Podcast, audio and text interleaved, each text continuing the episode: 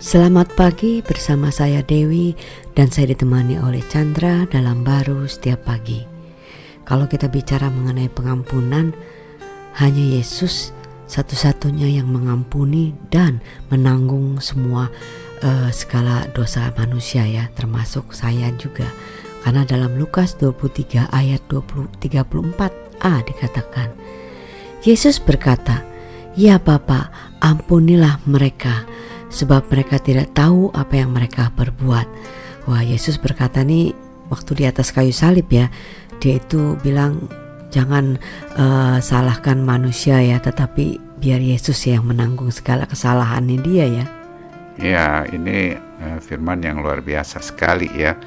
Kita tahu bahwa Tuhan Yesus itu uh, sekalipun Tuhan tapi rela uh, berkorban sejauh itu ya kita uh, bisa bayangkan kan dia bisa turun uh, uh, dari salibnya menghabiskan orang yang menyalibkan hmm, dia kan? Bisa aja karena dia punya kekuatan dan kuasa ya. Iya kalau kalau dia kalau manusia sering kali bukan dia nggak mau ya tapi nggak nah, bisa gitu kan? Tapi dia bisa tapi dia nggak mau. Benar. karena besarnya kasihnya dia ya kepada manusia yang memang uh, uh, uh, memerlukan pengampunan dia ya pengampunan dia itu bukan sejauh pengampunan yang kita lihat di manusia terhadap kesalahannya hmm. enggak yeah. ini pengampunan yang menghapus dosa manusia ini kan wow. uh, yang uh, sekali untuk selamanya itu betul ya sehingga uh, manusia tidak lagi uh, dikuasai dosa menjadi hmm. hamba dosa sehingga bisa berbuat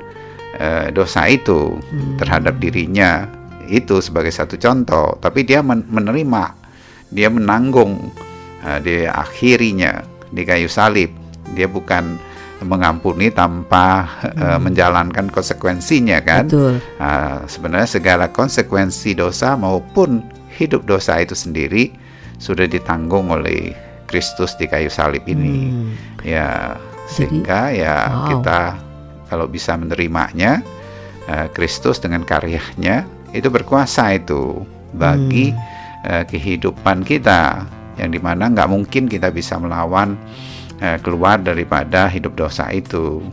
Wow, jadi istilahnya tuh pengampunan Tuhan itu tidak sebatas uh, benar salah atau baik buruk atau bahkan uh, apa namanya uh, orang itu perlu dihukum atau tidak ya, tetapi lebih daripada itu pengampunan Tuhan itu menyelamatkan hidup kita kan dari segala tuduhan dan belenggu daripada dosa manusia di dunia ini. Iya, sebenarnya tiap orang juga nggak mau yang buruk ya, maunya baik, nggak mau yang salah, maunya benar, nggak mau kena hukum ya, maunya ya Bebas. ya menerima uh, satu uh, pembebasan yang lebih baik. Hmm. Tapi pada prinsipnya kan sebenarnya manusia nggak bisa keluar, dia sendiri hmm. sudah terhukum dan dibawa dosa. Hmm. Dan hukumannya nggak tanggung-tanggung, maka itu ada kematian. Hmm. Semoga sehingga apa pun yang terjadi ya suatu pergumulan aja untuk keluar daripada penghukuman, untuk keluar dari penuduhan, untuk keluar dari tuntutan, untuk keluar dari salah.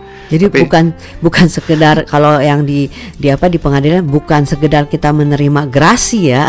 Iya, bukan sejauh itu aja, tapi yang dilakukan oleh Tuhan hmm. satu kehidupan ya, yes. di mana uh, uh, kita perlu pengampunan Dia terhadap hidup dosa kita Betul. dengan segala konsekuensinya sehingga kita bisa menerima kehidupan hmm. dia dan hidup dengan kehidupan dia wow. walaupun ada di dunia ini dan di tubuh fana ini. Wow. Nah, itu yang uh, sangat merupakan berita baik ya atas pengampunan Kristus bagi setiap kita wow, yang menerimanya. Jadi, jadi pengampunan Tuhan Yesus itu uh, memberikan hidup yang baru.